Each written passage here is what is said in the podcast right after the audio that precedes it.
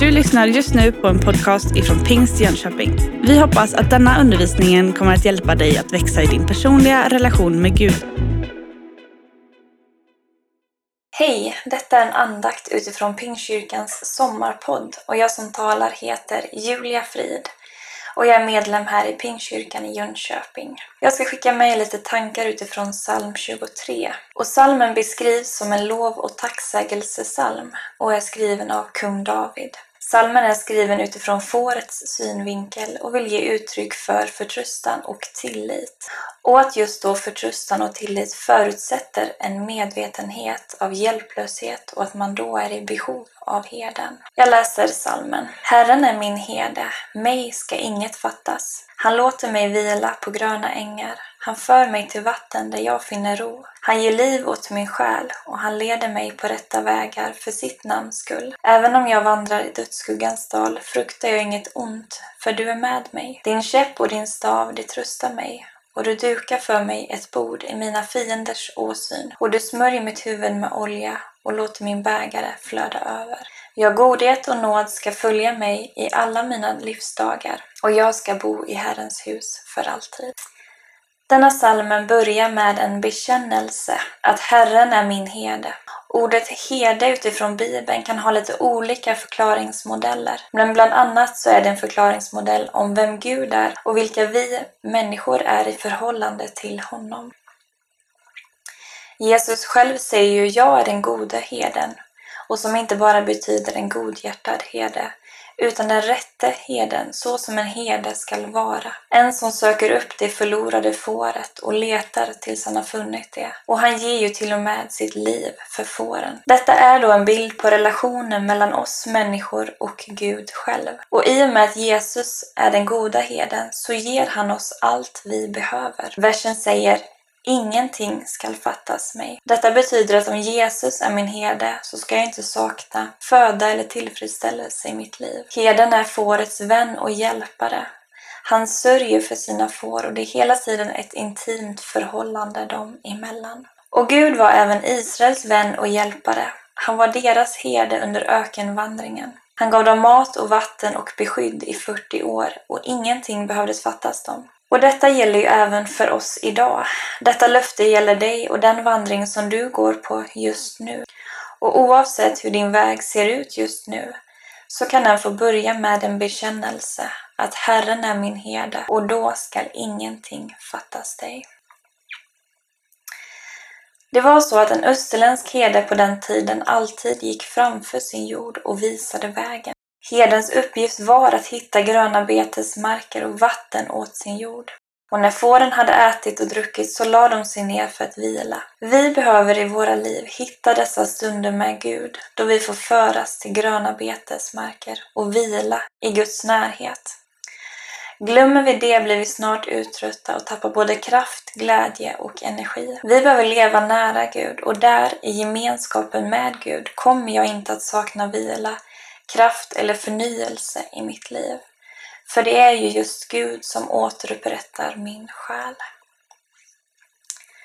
Och vattnet och gräset gav fåren ny kraft under vandringen och efter vilan så går herden fortfarande före sin jord för att leda dem hem. Och även fast vägen ibland kan vara stenig, lång och svår så går herden före just för att visa vägen. Och genom vår vandring med Gud så ska vårt fokus vara på att Guds namn ska bli ärat och inte vårt eget namn. Detta var något som David hade förstått. Han var medveten om att det inte handlar om honom själv utan om Gud och att han ska bli ärad genom Davids liv. Och där behöver vi ha vårt fokus idag. Men sedan kan vi se lite längre in i salmen att gröna ängar och vattenkällor av vila byts ut till den mörkaste dal, eller i andra översättningar dödsskuggans dal. Vi går helt enkelt från vila till kamp, från ljusa stunder till mörka stunder. För så ser ju faktiskt livet ut ibland. Det går inte att komma ifrån det. Men herden finns där för att leda med sin stav och jaga bort fienderna med sin käpp. Stav och käpp som nämns i denna vers står alltså för Guds makt och för Guds omsorg. Oavsett vad du går igenom så har du en herde som går framför dig, som leder dig med sin stav, både för att leda dig på rätta vägar, men också för att hålla dig nära honom. Men han kommer även att skydda dig under faror när de dyker upp. I denna vers sker även en förändring. David, han går från bekännelse till bön. Vi kan se i versen att han blir ett du. David säger Ty du är med mig. David talar inte längre om Gud, han har börjat tala med Gud. Det är precis som att David i den mörkaste dalen har upptäckt en ny närhet till Gud. Kamp och mörker är inget vi ska söka och heller inget vi kan undvika. Men när väl prövningen kommer upptäcker vi oftast en ny intimitet i vår tro om vi vågar stå kvar trots utmaningen. Och där märker vi att Gud är där och att han är trofast. För teori blir erfarenhet, bekännelse blir till bön och övertygelse blir till liv. Vi som lever i ett så tryggt land som Sverige har ibland svårt att känna igen detta med att ha fiender. Men visst har vi alla stött på motstånd och svåra situationer.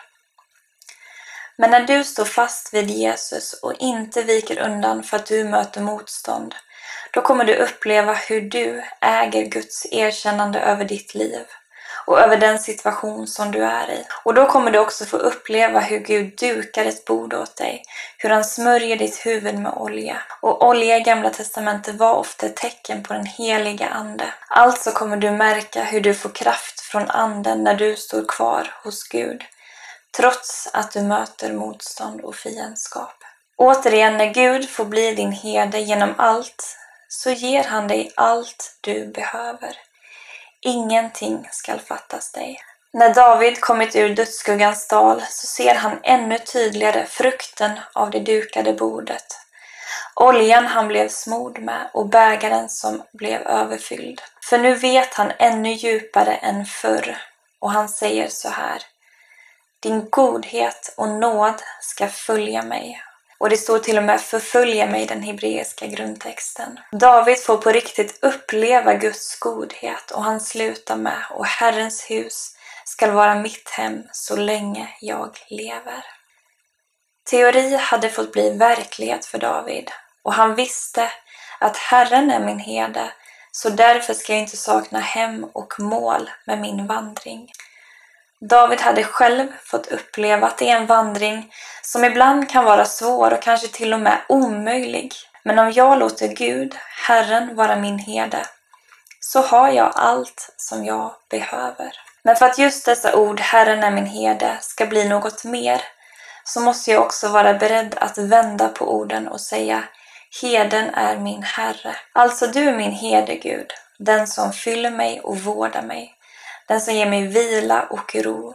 Den som ger mig vägledning, beskydd, tröst, hopp och hem. Men du är också min Herre, den som har rätt att leda och där din vilja får ske, Gud.